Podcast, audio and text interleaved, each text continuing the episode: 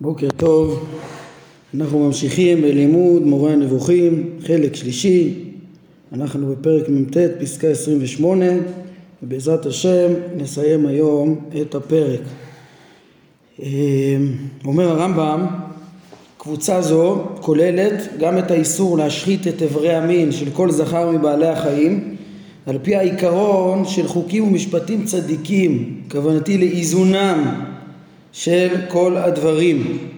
לא להפריז ביחסי מין כמו שציינו וגם לא לבטלם לגמרי, אלא ציווה ואמר פרו ורבו אה, מצד אחד, כן, יש לנו את פרו ורבו ואנחנו כל, כל הקבוצה פה מדברים על ההגבלה של הכוח הזה אז יש פרו ורבו, כן, אומר הרמב"ם כך עבר זה יוחלש במילה אך לא ישורש בחיתוך אלא יונח הדבר הטבעי כטבעו תוך הישמרות מהפרזה. כן זאת אומרת יש לנו פה עוד פעם אה, הפעם המי יודע כמה שהרמב"ם מדגיש את החוקים ומשפטים צדיקים והפעם אה, שוב בהיבט של האיזון ואחרי שלמדנו על מצוות המילה אה, שנקבעה ויוחדה דווקא באיבר הזה כדי ל... להתרחק מההפרזה ושימוש לא נכון באיבר הזה ובתאווה הזאת. אה, אז כנגד זה אומר הרמב"ם אפשר לראות גם את האיסור לסרס לגמרי כן? שזה קיצוניות בעייתית אחרת כן? זה יש להפך ציווה ואמר פור ורבו וזה מצווה גדולה והנה תשימו לב שפה הרמב"ם מזכיר את המצווה הזאת כי כשדיברנו על הלכות אישות בתחילת הפרק, ששם מקומה של המצווה הזאת, אז הרמב"ם uh, דילג עליה. Uh, כן, זאת אומרת, הסברנו איך שהוא היה ממוקד בעניינים אחרים, גם עכשיו זה לא הנושא שלו להסביר את המצווה וגדריה, ככה ש... Uh, כן, כמו שהסברנו, המיקוד של הרמב"ם בנושא המרכזי של ה... ש, של הקבוצה, שזה היחס הנכון ובעצם עכשיו אנחנו רואים גם המאוזן אה, לעניין של תאוות המין אה, היא בעצם גרמה גם לא לדבר על דברים שהם לא ממש חלק מה, מהקבוצה ולא באופן נרחב על, על פריאה ורבייה אבל על כל פנים הנה אנחנו פוגשים העניין נזכר לפחות בדרך אגב כאן אז זכינו גם קצת לטעם של זה וכבר דיברנו על זה שאפילו שהרמב"ם לא מדבר בפירוש על הטעם של זה זה אה, הטעם אה, אה, גלוי וברור, כן, ו, וזה בין הדברים, יכול להיות שהרמב"ם לא הוצרך גם לדבר עליהם מרוב פשיטותם והתועלת והחשיבות שלהם ליישובו של עולם. על כל פנים, אז הרמב"ם פה הראה לנו, אחרי שדיברנו על המילה שמרחיקה מההפרזה, אז יש לנו גם כן את ההרחקה מהקיצוניות השנייה של הסירוס, אלא להשתמש בכוח החשוב הזה אה, בצורה נכונה. זה חוקים ומשפטים צדיקים שגם כן אה, מאוזנים.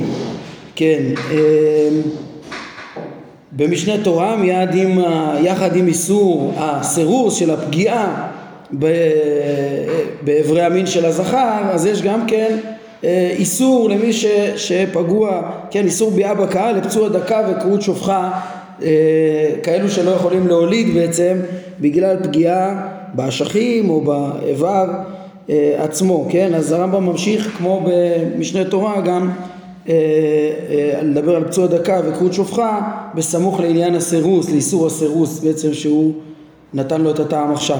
אומר הרמב"ם נאסר על פצוע דקה וכרות שופחה לשאת ישראלית, כן? כמו שאמרנו פצוע דקה זה בעצם מי שיש לו פגיעה באשכים שהוא בגלל זה לא יכול להוליד וכרות שופחה זה באיבר שלו שבגלל זה הוא לא יכול להוליד אמ, אז אדם כזה שלא יכול להוליד בעצם נאסר עליו לשאת ישראלית למה?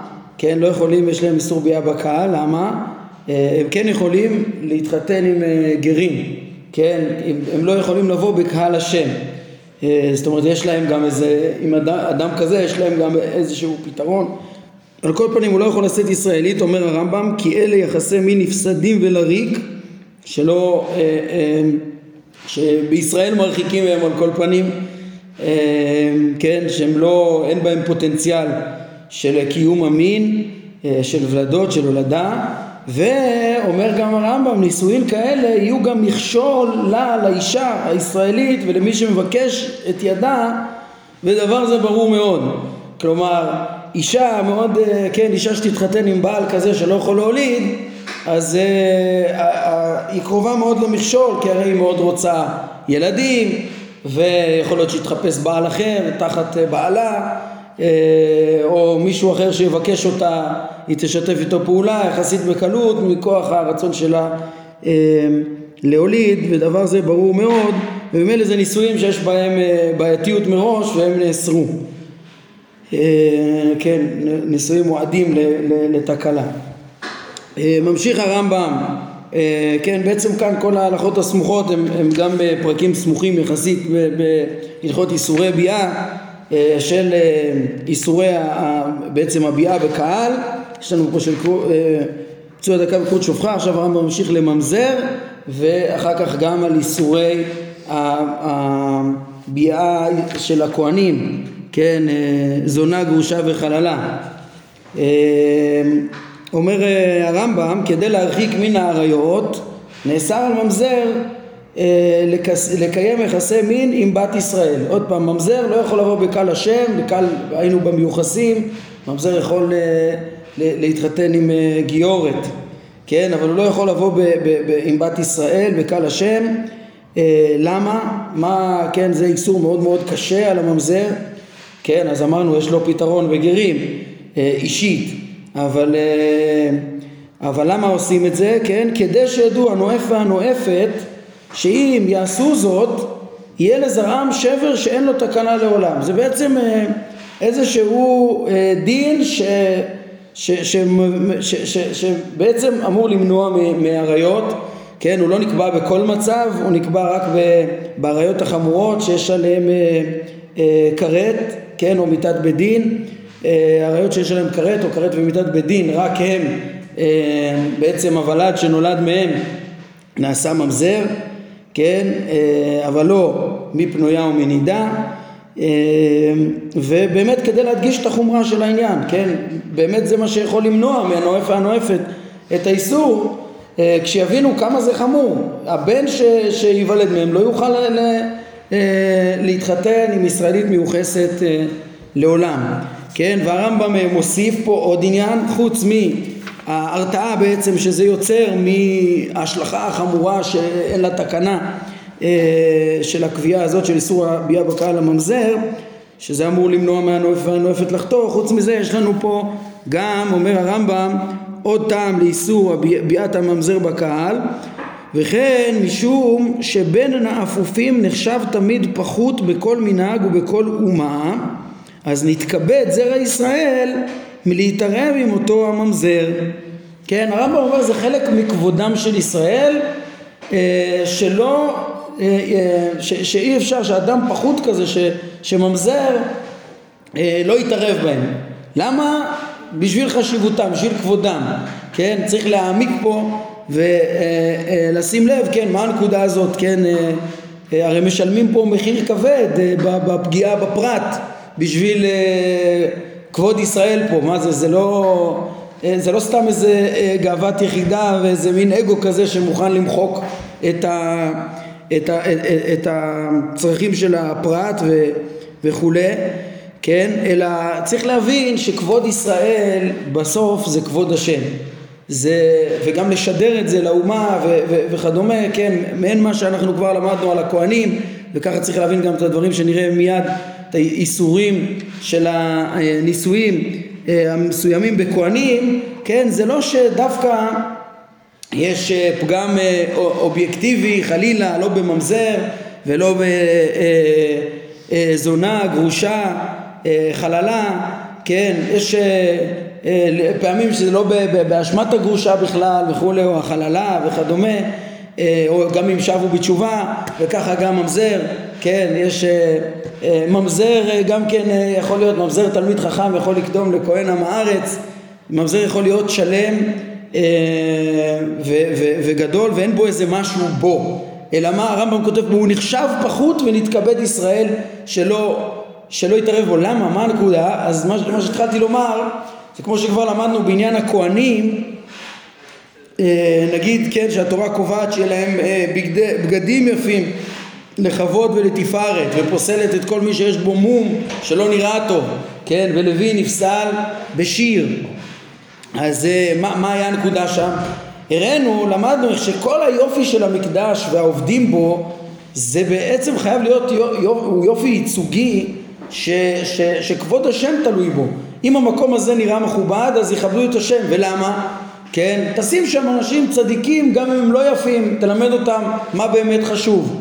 זה לא עובד, כי, כי ההמון לא מבין מה באמת חשוב, כמה שתגיד לו, ולא, וזה לא מה שיוצר הערכה, וצריך את החוויה של הערכה, וצריך את כל התפאורה אה, אה, בעולם הזה גם כן, וכיוון שהעובדה היא שאנשים מעריכים יופי ומתפעלים אה, מיופי יותר מאשר מחוכמה שהיא לא ניכרת כן? אז ככה, לכן המקדש צריך להיות יפה, והכוהנים צריכים להיות יפים ומכובדים כי הם מייצגים, ודווקא היופי החיצוני פה הוא הנצרך כדי ליצור את אה, יראת השם ואת היחס הראוי אה, והמכבד לקדוש ברוך הוא בסופו של דבר.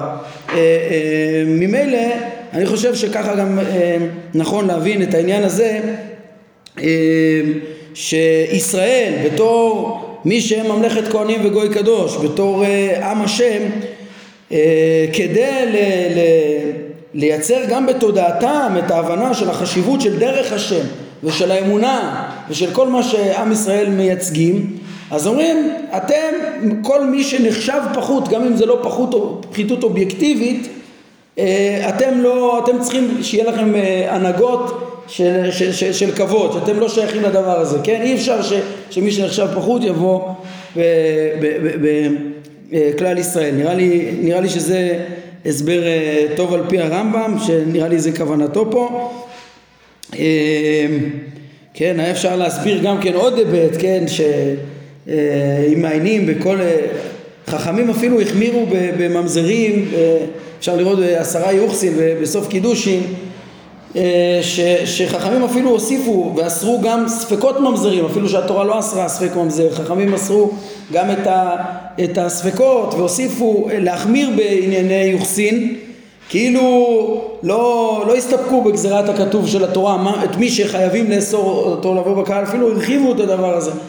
אה, ואני חושב שאפשר להוסיף בטעם, חוץ מה, מהטעמים האלה שהרמב"ם אמר, כן, שזה, שוב, שיהיה ברור החומרה של הדבר, כדי שמראש מלכתחילה יימנעו מהאיסור וכבודם של ישראל, אפשר גם לראות בזה איזה מין אה, תעודת אה, יושר של אה, קהל ישראל, כן? אם יש הלכה כזאת, ש, שממזרים לא יכולים להיות בקהל השם, כן? זאת אומרת שכל הקהל הזה הוא בלי ניאוף. אין בו ממזרים, כי הממזרים הם לא מתחתנים פה בכלל, כל, זה כאילו איזה מין תעודת יושר מופלאה שעל אה, על הקדושה שבישראל, שמירת הקדושה שבישראל, כן, שעצם זה שמפרישים וחכמים מוסיפים אפילו ספק ממזרים זה מעיד על מעלתם, זה מעיד על מעלתם באמת, כן, של ישראל ו, וזה עוד, עוד נקודה, זה לא בדיוק מה שהרמב"ם אומר, עוד נקודה שלישית שאפשר להוסיף. טוב, ממשיך הרמב"ם ואומר בשל נכבדות הכהנים אה, נאסרו עליהם זונה וגרושה וחללה. ועל כהן גדול שהוא הנכבד שבכהנים נאסרה אפילו אלמנה אה, ואפילו בעולה, כן, אלא הוא אישה בבתוליה כך, כן, והטעם לכל זה ברור, כן, ועוד פעם אה, הרמב"ם לא, לא מפרט פה הרבה, אבל שוב אנחנו כבר למדנו ב... בעניין אה, המקדש והעובדים בו, פרק אה, מ"ה, כן, שמה זה נכבדות הכהנים? זה לא איזה שיש להם דם אחר או משהו כזה אה, וזה, אלא יש להם תפקיד, תפקיד ייצוגי, כמו שהסברנו, יש תפקיד ייצוגי, וממילא חלק מ... מ, מ זה שהם יהיו נכבדים בעיני ההמון זה יוצר את כבוד השם, כן, ולכן כדי לייצר להם גם, כן, כבוד, עוד יותר להעצים את הכבוד שלהם, אומרים שכל מי, כל אישה שנחשבת פחות טובה, שוב, יכול להיות שבדרך כלל הם, לא סתם היא נחשבת פחות טובה, זה יכול להיות באמת איזה חיסרון, בטח זונה או, או גרושה, כן, אבל מי שנחשב לא טובה, חללה, מה היא עשתה, כן, נולדה מביאת איסור לכהנים, זה, זה כמו ממזר, שכאילו הוא בעצמו לא עשה כלום, ויכול להיות שהיא תהיה טובה וצנועה ואשת חיל מצוינת, אבל היא נחשבת פחותה, היא נחשבת כי היא נולדה מ... אין לה את היוחסין, ראינו בתחילת הפרק, את המשפחה הנורמלית וכמה זה, זה משמעותי לפסיכולוגיה החברתית וכולי, וגם לכבוד של המשפחה וכדומה, אז, אז הכהנים שהם מייצגי השם, הם יישאו אה, נשים, כן, גם לא אה, לא גרושה ולא זונה ולא חללה. וכהן גדול גם לא אלמנה ואפילו לא בעולה שזה ודאי כן כן עצר, אם, אם יהיה פה אישה שנבהלה לאחר זה כאילו הוא, אה, יש פה איזה יחס בינו לבין האחר ומתקלקל הייחוד שלו והמעלה שלו שיש לו אישה שמיוחדת רק לו כן אה, מזכיר את הדין של המלך שאין נושאים את ה... את האנשים שלו ולא את הפילגשים שלו וכולי לכבוד המלך. כשרוצים לייצר את הכבוד אה, אז, אז אה, בעצם האיסורים האלה הם כלים מצוינים בשביל הדבר הזה ולא להרוס את הכבוד ולא להרוס את היחס. והסברנו שהיה, שכבוד הכהנים, כבוד ישראל וכבוד הכהנים כולו כבוד השם והאמצעים האלה הם אמצעים חשובים. אפשר להזכיר גם שראינו בסוף הפרק הקודם גם את הנזיר שגם בו הרמב"ם הסביר שהאיסור שלו להיטמא למתים זה כאילו לדמות אותו לכהן. גם שם זה איזה מין עניין, אה, עניין אה, חיצוני כזה, אבל שיוצר לו בסוף מה התפקיד שלו כדי שאדם יבין את החשיבות של הפרישה מן היין, את הפרישה ש... מן התאוות, את התהליך של התיקון שעושה אותו הנזיר, אה, כמה הוא חשוב, כמה הוא, כן, עכשיו אני נזכר גם, הרמב"ם שם לא התייחס לאיסור של התספורת של הנזיר, כן? גם אותו אפשר להבין בכיוון הזה, כן? למרות שזה קצת יותר מורכב, נגיד אה, אם כבר אני נזכר בזה נוסיף את זה שבדרך כלל לגדל פרע, לשלח פרע לא, ולא להסתפר זה ניבול, כן? אז פה, פה רצינו, אולי יש בזה גם יופי, אפשר להסביר את זה אה, גם כיופי או משהו כזה, אבל אבל בפשט בדרך כלל זה אבלים ככה, כהן גדול מסתפר כל יום, אם אנחנו מדמים את הנזיר לכהן גדול, ומלך מסתפר כל יום, הכבוד הוא דווקא אה, אה, בלהסתפר כמו שצריך ולא לגדל את, ה, את השיער, כן, אבל אפשר להסביר שבנזיר זה משהו מורכב, כן, הוא לא כהן גדול, הוא לא מייצג עכשיו, הוא, הוא אחד שמתמודד עם התאוות שלו ו... לפי הרמב"ם על דרך התיקון הוא רוצה לרפות דווקא את ה... להתרחק מהתאוות. זה גם לא מצב שלם, נזיר גם נקרא חוטא, זה משהו זמני.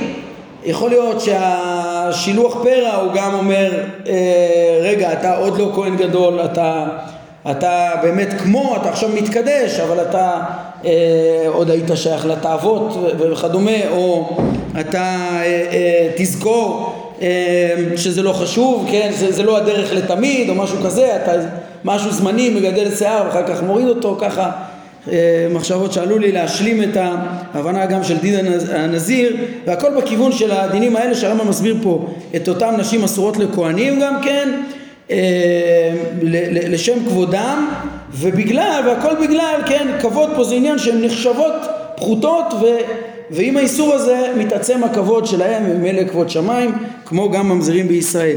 כן ממשיך אה, הרמב"ם ואומר מכיוון שנאסר עירוב ממזרים בקהל השם אז כל שכן עבדים ושפחות כן שנחשבו עוד יותר פחותים כן ממזר הוא עוד לפחות בן של אה, ישראלים מיוחסים הוא בן של בני חורין ועבדים ושפחות אה, עבדים ושפחות כן כנעניים שהם עוברים חצי גיור וכדומה אז זה לא מספיק והם אסורים והם פרוצים ואין בהם יחס ואין בהם מעמד שאנחנו היום לא מכירים אבל זה מעמד שהוא בעצם אה, עוד הרבה פחות וממילא אה, שוב חלק מכבודם של ישראל פה, פה שייך בעצם רק הטעם השני של הכבוד ולא הטעם של ה...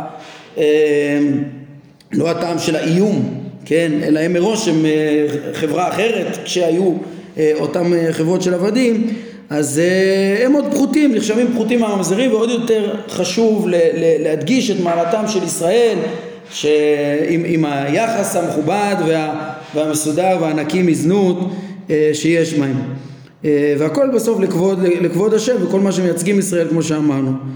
uh, אגב יש דין שפחה חרופה גם שהרמב"ם אמנם לא מתייחס אליו פה כן, אה, בקבוצה הזאת, אבל הרמב"ם מתייחס אליו למעלה בפסקה, בפרק, אה, מ"א פסקה 23 והסביר, אה, כן, גם כן שמה למה, למה היא ערווה שהתורה קצת יותר הקלה בה לעומת שאר עריות, כן, אה, משום שהדבר מתרחש לרוב בשל, בשל היותה מופקרת, כן, כי היא לא משועבדת לגמרי, זה כאילו התורה התחשבה במצב הזה שבאמת אה, אה, היא לא, לא שפחה ולא בת חורין ובקלות אפשר להיכשל בה וכולי אז אה, זה לא, לא החמירה בה כמו האריות אה, כן שאפשר יותר להישמר מהן כן אומר הרמב"ם כן אז, אז רק הזכרתי פה כבר נראה בואו כבר נשים לב אנחנו מסיימים עכשיו את, ה, את המצוות פה שבקבוצה ובהלכות ישראל ביען נשים לב גם לשאר המצוות שנשמטו מה הרמב"ם מתייחס ומה לא ומה, ובאיזה סדר גם צריך להתבונן. אבל בואו נראה רגע את העניין האחרון. האיסור האחרון שהרמב"ם מתייחס פה פסקה 31 אשר לאיסור החיתון עם הגויים תעמון נאמר מפורש בתורה ולקחת מבנותיו לבניך וזנו בנותיו אחרי אלוהיהן ויזנו את בניך אחרי אלוהיהן. זאת אומרת ההתערבות, עם הגויים כרוכה בהתערבות בתרבות שלהם בטח באותם ימים שהתרבויות היו כולם עובדי עבודה אה, אה, אה, כולם היו תרבויות של עבודה זרה, כולם היו עובדי עבודה זרה, היה בזה סכנה גדולה ובעצם עד היום, כן, אין מה להשוות את התרבות של ממלכת כהנים וגוי קדוש שמחונכים על פי תורה לבין ההפקרות השוררת בלי תורה אצל העמים האחרים ובעצם זה חלק מ...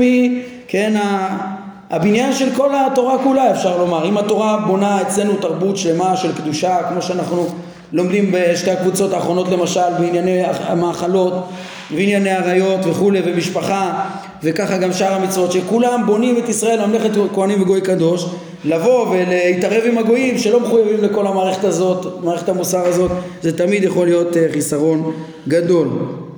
אה, בזה בעצם הרמב"ם משלים את ההתייחסות שלו והביאור שלו גם למצוות שנמנו פה אה, בהלכות איסורי ביאה שבספר קדושה ובזה הוא משלים בעצם את הטעמים שלו לקבוצה הזאת. הדברים שלו מכאן שבשתי הפסקאות הבאות זה בעצם חתימה כללית ל-14 הקבוצות שמיד נגיע אליה.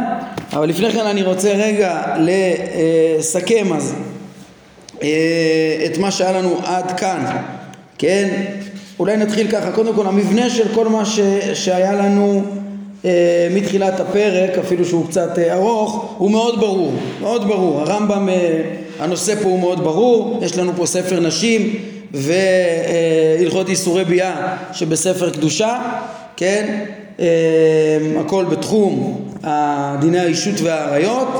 אה, הרמב"ם מתחיל בצורה מסודרת אה, ומבאר את המצוות שהוא מנה בספר אה, נשים, כן, הלכות אישות, הלכות גירושין, נערה בתולה, שזה כולל אונס, מפתה, מוציא שם רע, סוטה ואיבום וחליצה. כן, באישות יש לנו את האירוסין והקידושין ואיסור הקדשה, קדש וקדשה, ו- ודיברנו גם על הפריאה ורבייה וכולי, ומצוות עונה והכתובה, הרמב"ם דיבר פה בתוך הדברים גם על, על הכתובה.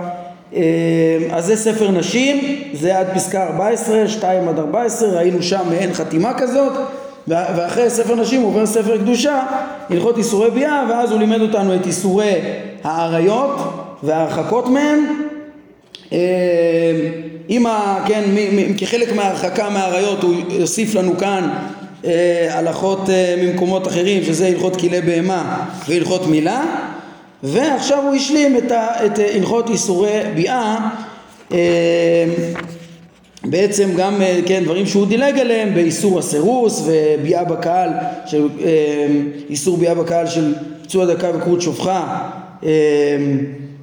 וממזרים וגם אנשים אסורות לכהנים ואיסור כן, הביאה של עבדים ושפחות בקהל ואיסור חיתון עם הגויים אמ, בסך הכל הוא עבר פה כמעט על כל הלכות איסורי ביאה. יש כאן, בוא, אני גם כמו שאמרתי צריך לציין, בואו נציין רגע מה, איזה, איזה דברים נשמטו לנו פה מהלכות איסורי ביאה. מי שישים לב, נשמט לנו כאן הלכות, כן, המצוות של איסורי ביאה בקהל של הגרים מה, מהעמים, מעמון ומואב, שאסורים לבוא לעולם בקהל, וגם איסור מצרי ואדומי שהיו אסורים אה, שני דורות ובנים דור שלישי יכולים לבוא בקהל. כן, אז uh, הדבר הזה אמנם לא נמצא כאן, אבל הרמב"ם מתייחס אליו כבר למעלה בפרקים, uh, כן, בסוף פרק מ"ב הרמב"ם דיבר על מצרי ואדומי, הוא גלה שמה מענייני מידות ולימד על, כן, הרי זה מה שהתורה מלמדת, לא תתעב מצרי, לא תתעב, לא תתעב אדומי כי אחיך הוא, לא תתעב מצרי כי גר היית בארצו, הרמב"ם מלמד כמה התורה מחנכת אותנו למידות ולכן מקבלים אותם עם כל מה שהראו לנו בסוף מקבלים אותם אחרי שלוש דורות הם מתגיירים ובאים בקהל. אה, פרק מ"א פסקה 27 הרמב"ם אה, לעומת אה, עמלק שנצטווינו להרוג אותו אז הוא דיבר על איסור החיתון של עמון ומואב מאותן סיבות שהם התנכלו אלינו. הוא דיבר הרמב"ם גם על ההיבט של המידתיות, של איזה איסור נאסר, אצל עמלק לכלות אותו, אצל המון ומואב שלא להתחתן איתם, זאת אומרת הם יכולים להתגייר ולהיות גרים ולהתחתן עם גרים, אבל לא לבוא בקהל מיוחס, וזה, אה, אה, יש בזה היבט של הרתעה גם, לדורות להבין מה המשמעות של שבט שעושה דבר כזה וכדומה. אה, אבל הרמב"ם לא מביא את זה כאן, לא את זה ולא גם, כן, מה שנספח לזה בהלכות איסורי ביאה זה גם הלכות גיור עצמם. הלכות גיור עצמם אה, מבוארות בהלכות איסורי ביאה סביב המצוות האלה. אה, כן, הרמב"ם גם בהלכות איסורי ביאה לא מנע, אין מצווה להתגייר. כן, זה לא שייך לצוות. אין, אין פסוק כזה בתורה, מה תצווה? את הגויים להתגייר אם רוצים? למרות שהיה אפשר להיות בתורה דין גיור, איך מגיירים אה, גוי אם הוא רוצה. זה היה יכול להיות אה, בהגדרות של מצוות תאורטית היה יכול להיות, אבל אין פסוק כזה והרמב"ם לא מנה את זה כמצווה, אלא זה בעצם אה, צריך להבין מבחינת מניין המצוות, שזה חלק מההלכות, הרי יש הרבה הלכות ביחס לגרים ומצוות שנמנות ביחס לגרים, אז חלק כאילו מפרטי ההלכות שלהם זה גם ההגדרות, נו ומי הוא הגר ואיך מתגיירים, אז זה נספח למצוות אחרות מבחינת מניין המצוות, על כל פנים הרמב"ם לא מתייחס לדברים האלה כאן אה, אולי בגלל שהוא כבר התייחס לזה בפסקאות, בפרקים קודמים כמו שאמרנו. אה, ועוד יש לומר, כן, ש... שצריך לשים לב שהאיסורים האלה לא רלוונטיים, כן? איסור אה, ביאה בקהל של אדומי ומצרי שתי דורות או או המוני ומואבי לעולם, הרמב"ם כותב שכבר, כן, שם, באותן הלכות שהוא מביא את המצוות האלה, אמנם הן נמנות במניין המצוות כחלק ממצוות לדורות, אבל בפועל הן כבר לא קיימות. למה? כי העמים כבר אה, הללו התערבבו והתבלבלו ממות סנחריב, וברגע שהם אה, נטמעו, זה לא משנה שאדם יהיה צאצא ביולוגי של אותם אה, אומות, הוא כבר לא נחשב, האומה בטלה כן, דיברנו על ביטול אומות גם בחלק שני, פרק כ"ט, הרמב"ם דיבר על האומות שכבר עברו מן העולם חוץ מישראל שהם תמיד שמם ונשאר לנצח וכולי, אז, אז, אז האיסורים האלה גם לא קיימים היום בפועל, ממילא יכול להיות שגם בגלל זה הוא לא דיבר על זה כאן והכניס את זה, כן, ממילא, כן, ראינו ש, ש, שהוא התייחס לזה במקומות אחרים. אה, עוד אפשר לומר לגבי הגיור ש, שכן קצת, אה, אתמול קצת דיברנו על זה שהרי עיקר הגיור זה המילה ובתוך עניין המילה ראינו שזה ברית לאומית ובעצם אה, אפשר, הבנו מעניין הברית הזאת, כן, שדיברנו על זה שאדם יכול להצטרף כמו שישראל הצטרפו לברית לברית אברהם וברית מאמיני האיחוד, כן, אפשר להצטרף, אצל הרמב"ם זה גם דבר שאפשר להצטרף בצורה אה, של להיות שווה לחלוטין בסוף אה, עם ישראל, כן, הדין שגר לא יכול להיות מלך זה, לא, זה עניין אה, אחר, זה לא בגלל שיש איזה הבדל מהותי ביניהם לפי הרמב"ם, אלא יש פחות הזדהות או משהו פסיכולוגי וכולי. תסתכלו בספר בין הכוזרי לרמב"ם בסוגיה כמו שהפניתי אתמול. כל פנים זה לגבי המצוות החסרות שבעצם אה, אפשר לומר שהרמב"ם התאים אותם עקרונית אפילו שהוא לא התייחס אליהם בצורה מסודרת פה והבנו אה, למה לא הרמב"ם מיד יגיד שהוא, שהוא הסביר אה, התאים עקרונית את כל המצוות גם את המצוות שהוא לא התייחס אליהם אז אנחנו עברנו בעצם לאורך הקבוצות כולם והשתדלנו ככה להתייחס גם לכל המצוות שהוא לא התייחס בפירוש נשמטו מהקבוצות וראינו את הדברים האלה. כן אבל אני משלים גם את הנקודה רגע של ה... מבנה, כן, אז בעצם, נו, אז יש לנו ספר נשים וספר קדושה, הלכות איסורי ביאה. דבר אחד שצריך לשים לב פה, כן, זה איזה שינוי שקצת אומר דרשני, קצת נראה לכאורה קשה, אבל במחשבה שנייה הוא מובן, זה שכל הקטע שלמדנו עכשיו על, אה, על איסורי הביאה בקהל, בהלכות איסורי ביאה הוא מופיע בסדר שונה פה מהמורה.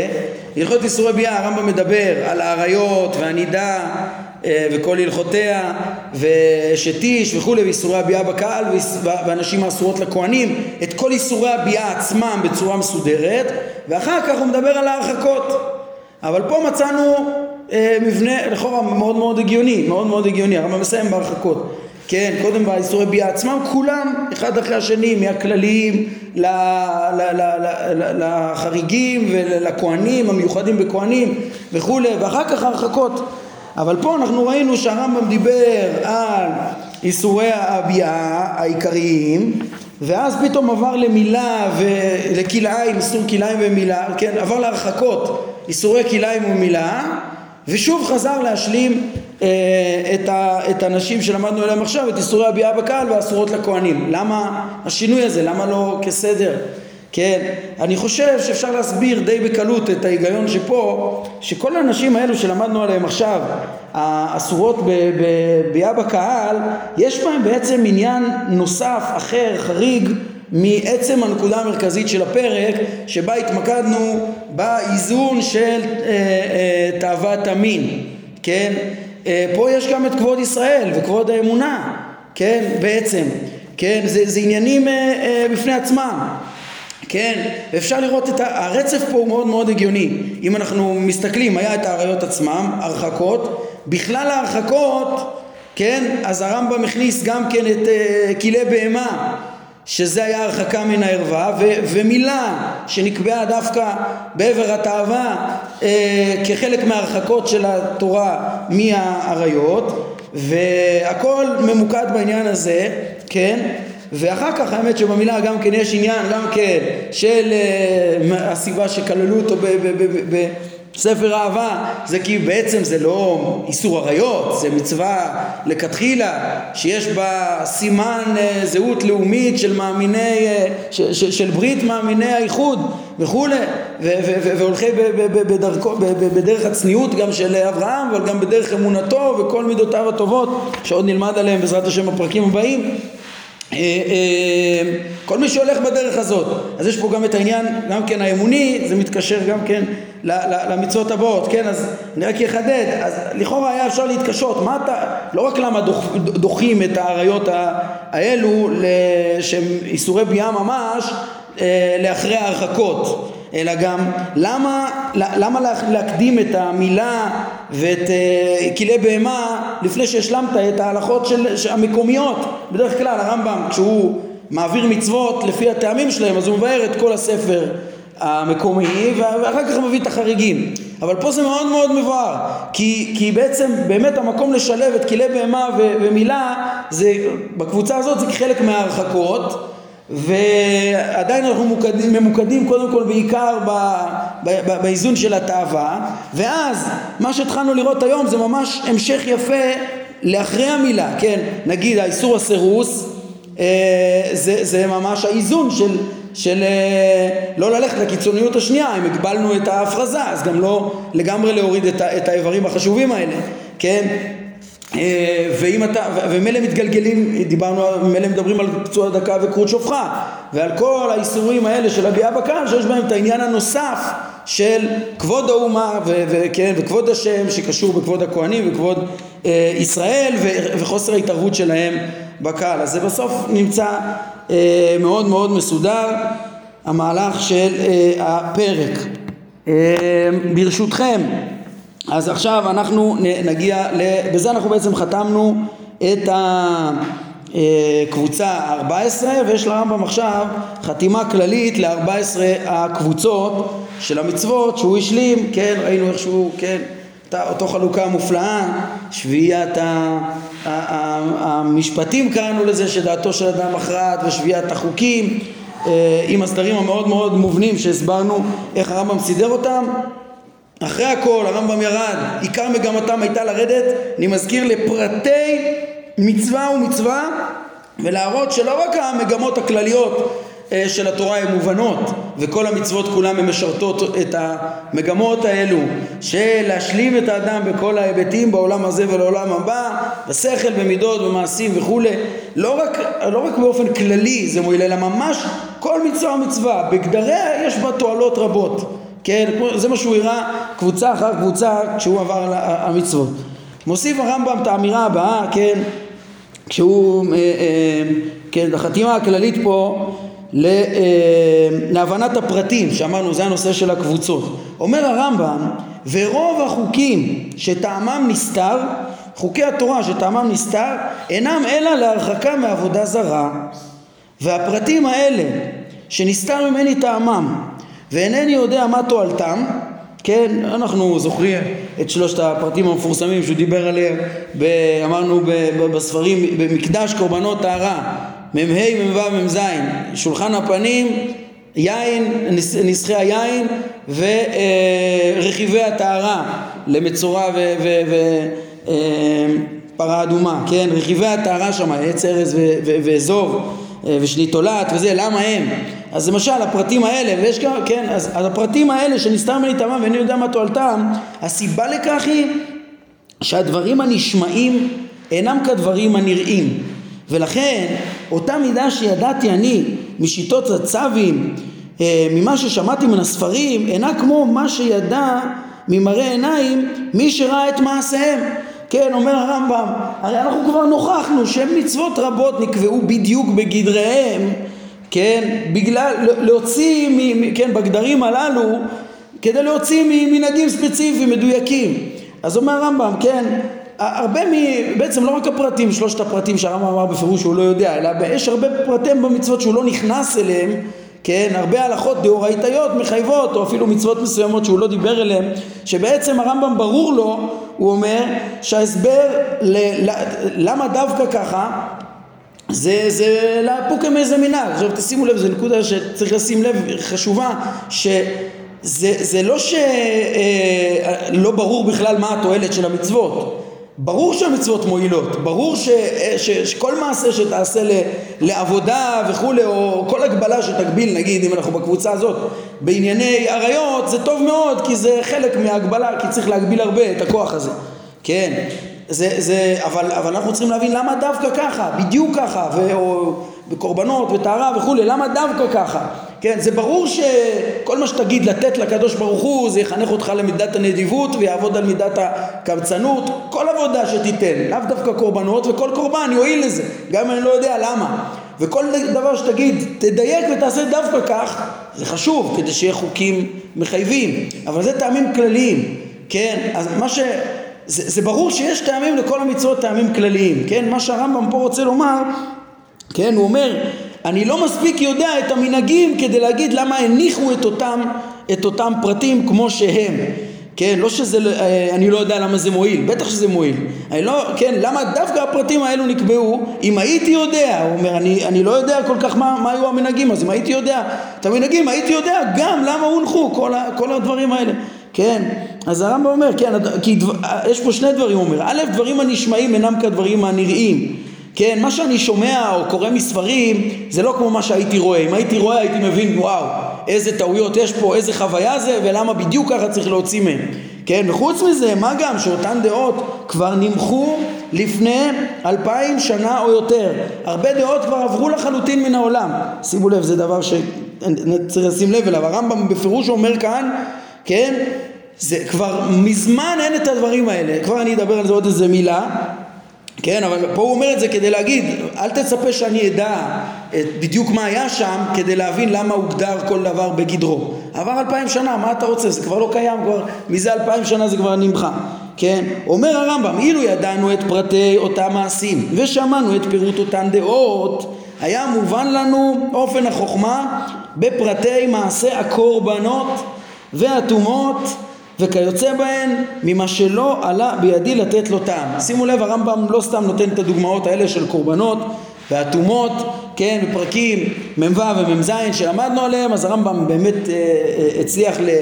להסביר הרבה עקרונות, למה נבחרו המינים השונים ועניין עבודת אדם ולמה הוחלפו נאסר השעור ודבש והצטווינו במלח וכל מיני דברים להוציא מאותן דעות וכולי וכולי אבל אם אתה תלמד אה, סדר קודשים או ספר עבודה וקורבנות ברמב"ם אנחנו נראה שכל כך הרבה פרטים לא קיבלו טעם כן, שכן, אחרי כל מה שהוא אמר, שהמון המון שהוא לא נתן טעם, ואותו דבר בדיני טומאה וטהרה. הרמב"ם מראש בפרק מ"ז מאוד מסתייג, הוא אומר, אני אתן לך עקרונות למה נאסרו, כשבסוף מה שיסביר הכי טוב למה נקבעו הטומאות כפי שהם, זה תלוי באיך שהורגלו להתייחס לטומאות האלו ובגדרים שהם אסרו, התורה אסרה את זה רק המעיטה, הקלה וכולי וכיוונה את זה למקדש וכולי.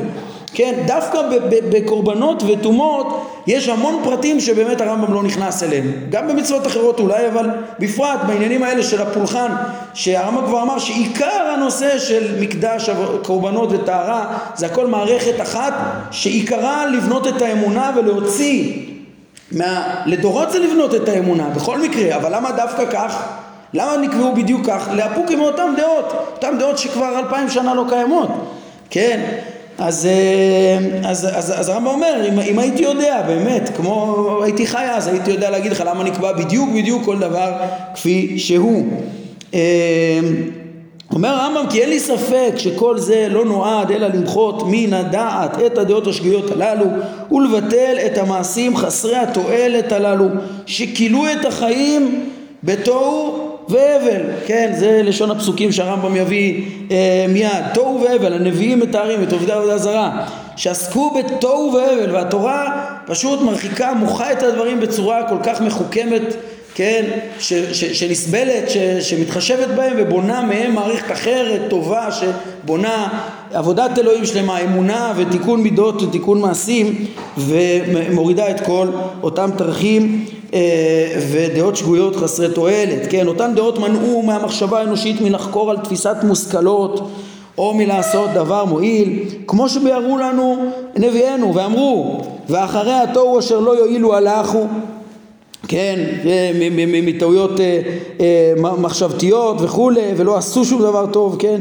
ואמר ירמיה, שם עוזי ומעוזי ונושאים יום צרה אליך גויים יבואו מאפסי הארץ ויאמרו אך שקר נחלו אבותינו הבל ואין בם מועיל. כן הם עשו דברים לא מועילים עשו מעשים אה, הלכו במעשים כן בדעות ובמעשים בקיצור אחרי כל ההבל והתוהו האלו כמו שהנביאים מעידים בעצם על אותה תרבות מזה התורה הוציאה אומר הרמב"ם מתבונן מה רב שיעורו של קלקול זה? זה מוחה את כל מעלות האדם כן, והאם הוא דבר המצריך להתאמץ במיגורו או לא, כן, תבין איזה, באיזה מצב הייתה האנושות, צריך להתאמץ בדבר הזה או לא, הרי שרוב המצוות כמו שביארנו נועדו רק למיגור הדעות הללו של אה, העבודה זרה ולהקלת מעשי הטורח הגדולים והמייגעים והעמל והיגע שהטילו הללו לעבודת אליליהם, כן, כשהוא אומר פה רוב המצוות הוא מתכוון רוב החוקים שבמצוות, הרי ראינו אה, כל כך הרבה מצוות שלכתחילה הן מרוכזות פשוט בעצם אה, החינוך לאמונות, לדעות, למידות הטובות ולכל מטרות התורה ולשלמויות האדם באופן ישיר, כן, אבל אם אתה רואה חוקים, זאת אומרת רוב החוקים האלה הנוספים של לקבוע דווקא כך ודווקא כך וזה, וכמו שאמרנו הרבה בקורבנות ובטומאות וטהרות, זה בעצם, וכמו שהוא לימד בפרקים האלו, הכל היה למיגור הדעות האלו ולהקלת אותם מעשי תור הגדולים המגיעים והעמל והיגע שהטילו הללו לעבודת אליליהם. אם כן, כל ציווי או איסור בתורה שטעמו נסתר ממך, אה, אומר הרמב"ם, אינו אלא ריפוי חולי מאותם חולאים שאיננו יודעים היום אה, תודה לאל. עוד פעם הרמב"ם מציין, אין את, אין את העבודה זרה כבר היום.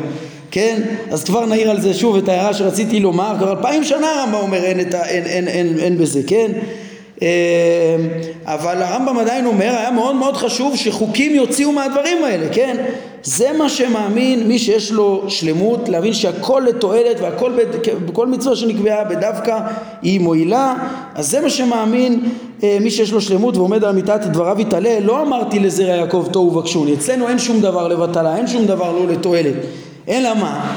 שיש פה שאלה שכבר שאלנו והשבנו אבל חייבים להגיד אותה בהקשר שוב של דברי הרמב"ם הללו שלכאורה מתבקשת השאלה שאם הרמב"ם בעצמו כבר מודע לזה שאיננו יודעים את ה, אה, אה, כבר את הדעות השגויות הללו בזכות חוקי התורה החשובים תודה לאל אנחנו כבר לא יודעים אה, את הדעות הללו הם עברו מן העולם אלפיים שנה הם לא בעולם כן אז למה המצוות הן מחייבות גם היום, מה, או מה התועלת שלהן גם היום, עולה מיד השאלה הזאת.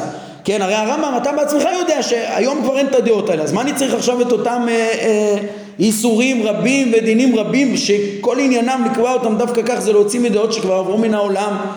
כן, אז מאוד יפה, יישר כוח למצוות החשובות שהצליחו לגאול אותנו מאותן טעויות, תודה לאל, כן, אבל לכאורה זה לא מספיק כדי להגיד למה לחייב אותם לנצח הקדוש ברוך הוא היה צריך להגיד זה תוקף לאלף שנה אלפיים שנה לא יודע כמה שצריך כמה שהועיל וזהו אלא מה ההסבר לזה זה כמו שאנחנו הדגשנו פה תוך כדי הלימוד ובכל המצוות הרמב"ם עכשיו ממוקד בלהגיד אה, אה, אה, כן, פשיטה שלמצוות יש תועלות גם היום, תועלות רבות. הרמב"ם ממוקד בלהסביר את פרטי החוקים, למה הם נקבעו דווקא כך. כן, כמו שאני אומר פה מתחילת הפסקה, ש, שזה מה ש, שלכאורה היית יכול להגיד, טוב גזירת הכתוב, סתם שרירותי, אין הסבר.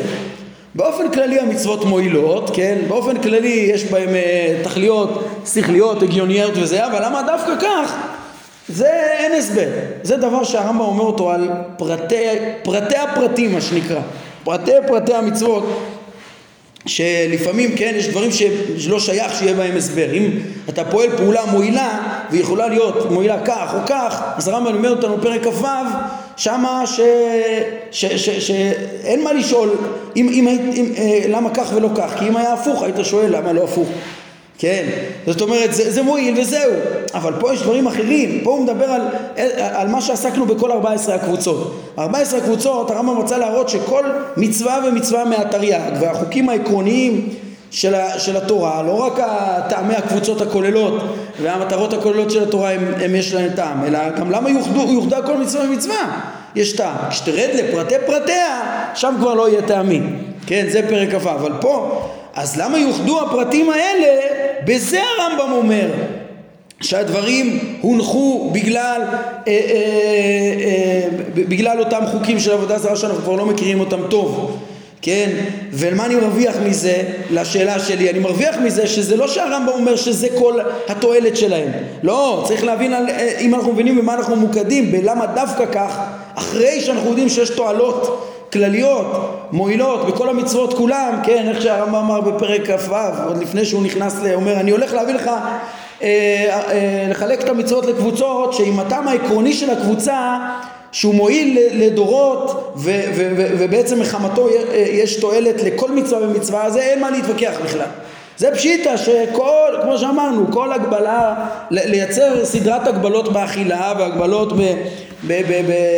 בענייני עריות זה חשוב מאוד וזה מועיל מאוד וככה הכל נתינה להשם ומקדש וכולי. הכל הכל מועיל באופן כללי זה פשיטה שזה מועיל לדורות. וראינו פה איך כל המצוות הרמב"ם כל הזמן נראה כמה זה מחזק את האמונה כמה זה מחזק את המידות מתקן את המעשים וכולי וכולי. הכל המטרות הכלליות כולן פשוטות. אלא תשאל אותי למה הונח הדבר אומר הרמב"ם החוקים שהונחו דווקא כך זה גם היה בטעם אתה, זה היה דברים שנקבעו כדי להוציא מדעות מסוימות. עכשיו אנחנו גם עמדנו על זה שהרבה מהדעות האלה הם גם בטבע האדם, ולולא שתאסור אותם לתמיד אז יעשו אותם שוב ויחזרו אותם מחלות וכולי ויש גם היום מחלות דומות שממש צריך גם את ההתמודדות עד היום יש דיברנו בענייני השדים וכל מיני תפיסות שעד היום צריך להתנגד אליהם ותפיסות לסגולות וכל מיני דברים כאלה שעד היום צריך להתנגד אליהם הם לא, לא יוצאים מהמין האנושי כנראה בטבע כן אבל גם, גם אותן תפיסות שהרמב"ם עצמו מעיד שכבר תודה לאל הן לא קיימות בכלל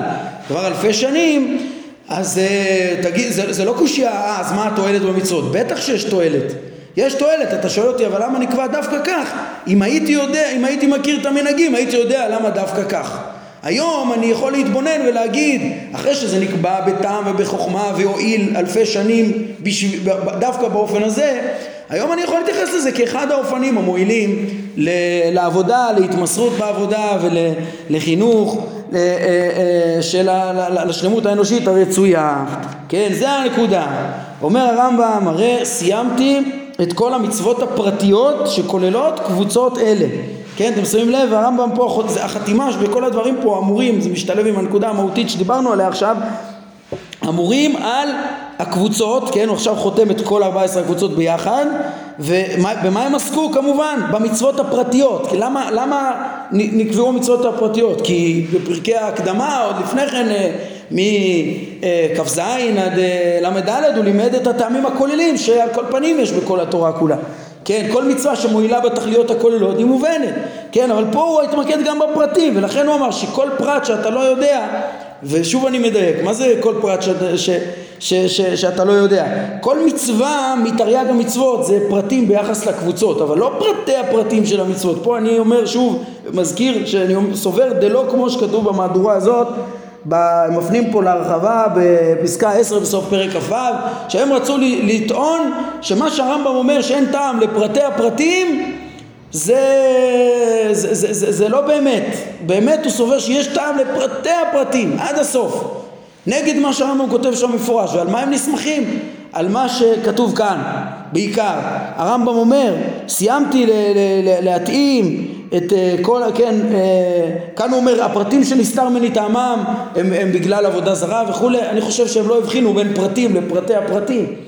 פרט, הפרטים זה התרג מצוות עצמם ופרטי הפרטים זה מה שדובר שם שאין ברמב"ם בכלל עיסוק בהם ברוב הפרקים האלה, כן, אם, אם תנסה להשוות בין פריטי הפריטים שבמשנה תורה לעומת הטעמים הכוללים שיש במשנה תורה, סתם נביא דוגמה, הלכות שחיטה, הלכות טרפות, הרמב"ם אומר לך פה איזה אמירה כללית, אה, זה הדרך הקלה ביותר לשוחט ול, ולבעל חיים וכולי, וטרפה היא לא בריאה, נו, בשביל זה צריך 70 טרפות, בשביל זה צריך את כל ההלכות, הכל כך הרבה פרטים, פרטים, פרטים. זה חוקים ש, שכדי לעשות אה, את הטעם הכולל של השחיטה הקלה כבר, ו, ולעשות את זה כמצוות, כן, שלא יהיה בהם חיסרון בתוקף שלהם, לא לתת ברכה לשיעורים ושיהיה תוקף אלוהי, צריך פרטי פרטים. הרמב"ם בכלל לא עוסק בזה. כן, בכל פרטי פרטים לתת לזה טעמים, הרמב"ם כתב שם זה הזיה. בקיצור, הרמב"ם סובר שיש טעם לכל התרי"ג המפורטות ביחס לקבוצות ולחלק מפרטי מצוותיהם, אבל uh, מספרי קורבנות וכל מיני דברים כאלה, לאו דווקא הוא אומר, אולי הוא רומז, חלק מהם אתה כן תמצא פתאום, uh, אני יודע מה, uh, אם uh, אצל עובדי עבודה זרה הם האמינו uh, באלוהות של שבע כוכבי הלכת, כן, שבעת כוכבי הלכת, אז להוציא מהמנהגים שלהם אנחנו דווקא שוחטים את הבהמות שהם אה, החשיבו אותם כקדושות לשבעת כוכבי הלכת, או לא יודע מה. יכול להיות שתמצא, תדע את המנהגים, תדע גם למה הוציאו מהם. אבל לא כל הפרטים, יש פרטים שכאילו זה כבר לא משנה, למה להקריב, אה, אה, הרמב"ם אמר כבש ולא עיל, כאילו בין שנה או בין שנתיים, אה, מספר, מספר כזה או מספר כזה, היה צריך מספר, אז אמרו, אתה יכול להגיד, אה, להשוות, בחטא מסוים צריך קורבן פחות וחטא אחר יותר ממנו, אבל בסך הכל המינים, כל מיני דברים אפשר לתת להם טעמים, אבל פרטי פרטי הפרטים כבר הם חוקים שהם פשוט מועילים שאין להם טעם. כל פנים אומר הרמב"ם הרי סיימתי את כל פרטי, אה, אה, את כל המצוות הפרטיות שכוללות קבוצות אלה והערנו על טעמיהם ולא נשאר מהן מה שלא נתתי טעם אלא מצוות אחדות שזה אמרנו שולחן הפנים אה, וכן, ופרטים מעטים, שולחן הפנים, אה, הנסכים של היין ורכיבי הטהרה אה, מפרה אדומה ומצורע, כן, אבל הרמב"ם אומר אף על פי שבאמת כבר התאמנו עקרונית גם אותם, כן, היינו אותם שלא, של אותם מצוות שלא הסברנו, ראינו כבר באותם מקומות שהרמב"ם גם נתן טעמים, יש טעם ליין, יש אה, אה, אה, או רמזים שהוא אומר נו זה ביחס לאיזה תרבות שאני לא, שחסר לי פשוט פרטים. אני לא מכיר את הרקע התרבותי וכמו שהוא אומר פה עקרונית התאמנו גם אותם למתבונן הנבון. טוב, פרקי, השלמנו את 14 הקבוצות בזה, בעזרת השם החטיבה כולה היא תושלם רק על ידי, רק בסוף אחרי פרק נ', שם הרמב"ם ייתן גם טעמים לסיפורי התורה ועקרונות איך להבין את התועלות שבסיפורי התורה וסיכום כולל בעזרת השם לחטיבה הזאת אנחנו נעשה אחרי פרק נ', אנחנו נעמוד כאן להיום. ברוך אדוני לעולם, אמן ואמן.